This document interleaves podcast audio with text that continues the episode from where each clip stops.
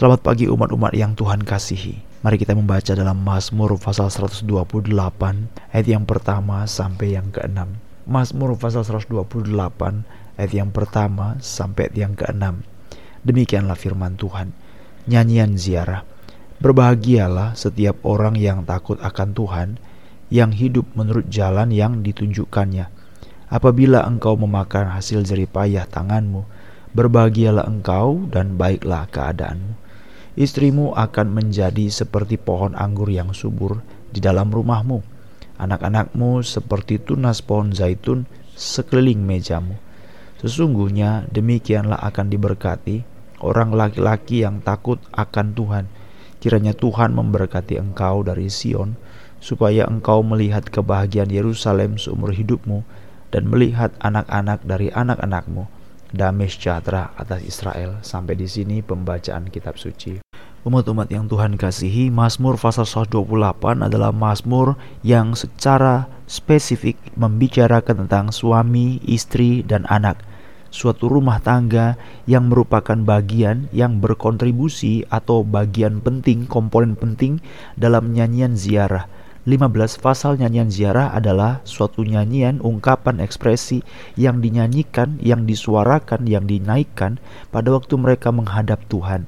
Saya pribadi melihat bahwa dari Mazmur pasal 120 sampai Mazmur pasal 128 kalau tidak disebut sebagai perjalanan juga yang memuncak naik ke atas atau itu dapat disebut sebagai perjalanan yang sequence atau sebuah perjalanan ayat-ayat yang berkesinambungan dari pasal 120 jadi bagaimana dia ada di rumah, dia ingin pergi menghadap Allah di kota suci, sampai nanti dia sudah ada di pintu gerbang kota Yerusalem, lalu sampai dia berkata, bagaimanakah kota ini bisa dipulihkan lagi? Itu kita baca dalam ayat 126, Mazmur 126 ayat 1, suatu kerinduan mereka bahwa keadaan Tuhan akan memulihkan keadaan Sion atau Tuhan akan memulihkan keadaan Sion. Jadi bagaimana Tuhan memulihkan atau memperbaiki kota Yerusalem yang sudah hancur ini? Bagaimana Tuhan memperbaiki bait suci yang sudah dihancurkan ini? Bagaimana mereka memperbaiki itu keadaan yang sudah kacau balau dan rusak yang kemarin kita baca dalam Yeremia pasal yang ke-22 ayat yang ke-8 orang berkata, "Kenapa kota ini ditinggalkan? Kenapa tempat ini begitu tragis? Kenapa keadaan mereka itu begitu sangat memprihatinkan?" Oh, itu karena mereka meninggalkan Tuhan dan Tuhan pun meninggalkan dan membuang mereka. Jadi pada waktu mereka itu kembali, mereka itu disebut sebagai orang yang berziarah, mau menghadap Tuhan, kembali ke kota suci, ke kota Allah, ke bait Tuhan, ke bait Allah. Dan pada waktu mereka balik itu kan semua sudah hancur. Jadi kalau bukan Tuhan yang membangun, nggak ada gunanya. Kalau bukan Tuhan yang menjaga, nggak ada gunanya. Nah sekarang dia mulai membicarakan hal yang lebih spesifik lagi. Kalau kemarin itu bagian dari kota, bagian dari dipulihkannya bangsa ini, itu adalah juga adalah keturunan-keturunan dalam Mazmur 127 ayat yang ketiga, anak adalah milik pusaka, buah kandungan adalah upah, dan kalau kita baca dalam ayat yang keempat seperti anak-anak panah di tangan pahlawan demikianlah anak-anak pada masa muda. Maka dalam Mazmur 128 diberikan hal yang lebih spesifik lagi tentang suami laki-laki tentang istri perempuan dan tentang anak. Bagaimana? Kita mulai dari satu. Berbahagialah setiap orang yang takut akan Tuhan yang hidup menurut jalan yang ditunjukkannya jadi kalau kita membaca bagian ini sebenarnya ya semua orang yang takut akan Tuhan, baik suaminya takut akan Tuhan, istrinya takut akan Tuhan, anaknya takut akan Tuhan. Karena dengan takut akan Tuhan inilah, inilah bagian yang penting sehingga Tuhan memulihkan lagi kota Yerusalem. Tuhan memulihkan lagi kota Sion. Jadi kalau kita baca berbahagialah setiap orang yang takut akan Tuhan itu diulang lagi dalam ayat yang keempat. Sesungguhnya demikianlah akan diberkati orang laki-laki yang takut akan Tuhan. Nah, ada suatu penekanan kita bertanya ya, dalam hal bagaimana laki-laki itu disebut takut akan Tuhan? Bagaimana laki-laki itu disebut hidup menurut jalan yang ditunjukkan Tuhan? Kalau kita membaca dalam Ulangan pasal 16 ayat yang ke-16, Keluaran pasal 23, Ulangan pasal 16 ayat 16. Di sana ada peraturan bahwa ada ketentuan, ada firman Tuhan, ada jalan yang ditunjukkan Tuhan bahwa setiap orang laki-laki di antara kamu haruslah pergi menghadap Tuhan di Yerusalem tiga kali dalam satu tahun. Hari Raya Paskah, Hari Raya Pentakosta, dan Hari Raya atau Hari Tujuh Minggu, dan Hari Raya Pondok Daun Jadi tiga kali setiap tahun. Yesus sendiri bersama dengan keluarganya, ya Yesus laki-laki, orang tuanya ayahnya laki-laki. Jadi Yesus sendiri setiap tahun pergi ke sana. Dalam Lukas pasal yang kedua ayat 41 sampai 44 barangkali. Lukas pasal yang kedua, Yesus sendiri setiap tahun pergi ke kota Yerusalem. Itu dari kecil. Memang demikianlah setiap orang laki-laki di antara kamu pergi ke sana untuk apa? Ini adalah perjalanan menghadap Tuhan di kota Allah, di bait suci. Jadi kalau kita baca ini sebagai suatu perjalanan ziarah, perjalanan menghadap Tuhan. Dan inilah yang disebut dengan berbahagia. Berbahagia orang yang takut akan Tuhan, di mana takutnya? Yang hidup menurut jalan yang ditunjukkannya. Jadi dia pergi terus, dia pergi, dia datang menghadap Tuhan, dia pergi menghadap Tuhan, lagi-lagi dia pergi menghadap Tuhan. Karena itu adalah perintah Tuhan. Itu adalah jalan yang ditunjukkan Tuhan. Itu adalah firman Tuhan. Dan bukan hanya firman demikian saja, tapi dari seluruh kehidupannya. Orang yang taat, orang yang hidup, orang yang mau mendengarkan Tuhan, orang yang mau taat tunduk kepada arahan, perintah, firman Allah maka orang ini berbahagia. Dan inilah yang menjadi dasar. Jadi kembali kita pikirkan, kenapa kota Yerusalem dihancurkan? Karena bangsa itu tidak peduli firman Tuhan. Tapi kalau mau bangsa ini dipulihkan, ya kamu harus kembali kepada firman Tuhan. Itu sebabnya dalam Mazmur 128 dikatakan, berbahagialah orang yang takut akan Tuhan, yang hidup menurut firman Tuhan.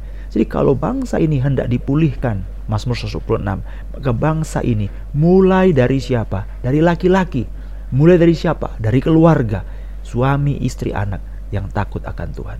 Nah itulah sebabnya dalam ayat yang ke-128 mulai ayat 1 dimulai dengan kalimat itu. Berbahagialah setiap orang yang takut akan Tuhan.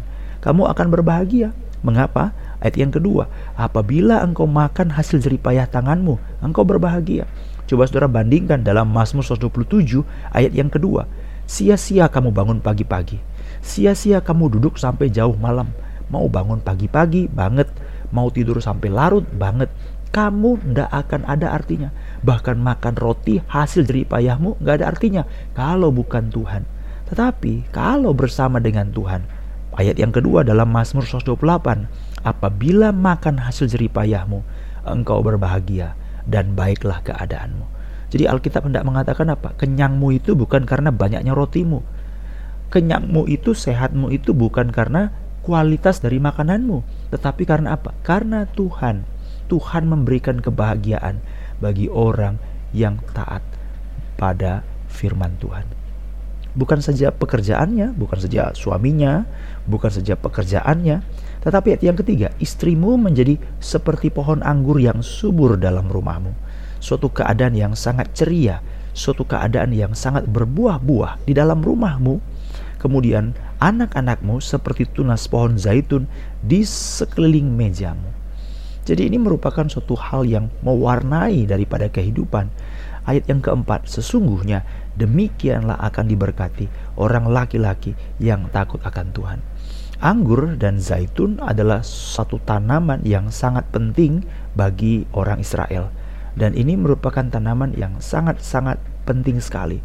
Jadi ada penanganan yang sangat berbeda dari pohon anggur dan pohon zaitun, tidak sama ya. Tentu ada hal yang bersifat pribadi dari hal pohon anggur dan pohon zaitun. Masing-masing punya karakteristik, tapi semua ini adalah hal yang pokok, hal yang mensukacitakan, hal yang menggembirakan bagi siapa? Bagi orang Israel. Karena pada waktu mereka minum, minum dari anggur, waktu mereka pesta, pesta dengan minyak zaitun dan dengan segala hal, maka mereka ini bersuka cita. Saudara lihat orang-orang yang demikian, inilah yang dijanjikan oleh Tuhan. Dan kalau kita baca dalam pasal yang ke-128 ayat yang kelima, istilah dari keluarga ini bukan hanya dibicarakan sebagai suatu istilah suami, istri, dan anak-anak, tetapi diceritakan ini merupakan komponen atau bagian di mana inilah cara Allah memulihkan Sion yang sudah hancur itu. Ayat yang kelima, kiranya Tuhan memberkati engkau dari Sion, supaya engkau melihat kebahagiaan Yerusalem seumur hidupmu, dan melihat anak-anak dari anak-anakmu. Saudara, kalau kita membaca bagian ini, kita harus ingat bahwa bagaimanakah Tuhan memelihara, bagaimanakah Tuhan menjaga supaya perjanjiannya tetap ada, yaitu meninggalkan keturunan. Dalam Roma pasal 9 ayat 21 barangkali, Roma pasal 9 ayat 21 dikatakan seperti ini. Jikalau Tuhan tidak meninggalkan pada kita keturunan, maka kita sudah sama seperti Sodom dan Gomora. Artinya kota itu hancur dan kota itu tidak bisa dibangun lagi. Jadi Yerusalem pernah hancur. Mengapa? Karena mereka meninggalkan firman Tuhan. Mereka meninggalkan Tuhan.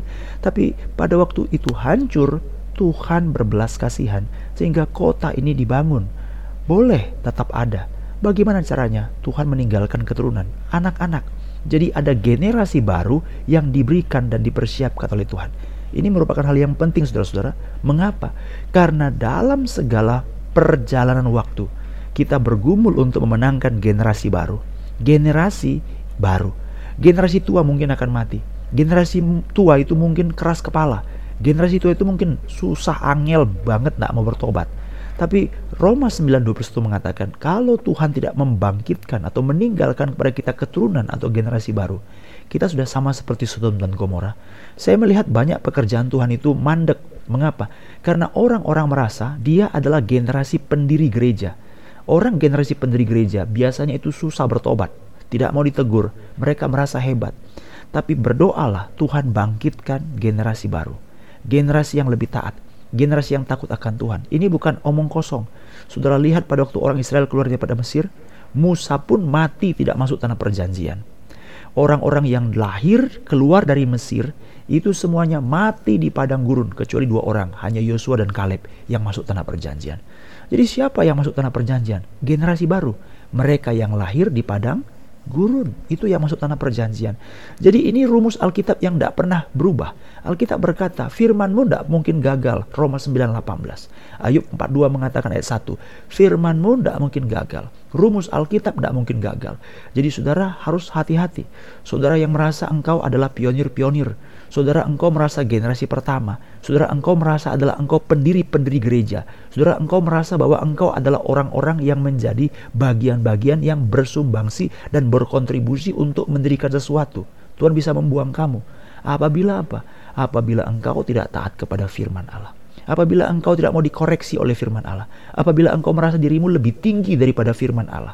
Alkitab berkata, mulai dari ayat pertama tadi, berbahagialah orang yang takut akan Tuhan. Ini yang penting. Berbahagialah orang yang hidup menurut jalan yang ditunjukkannya.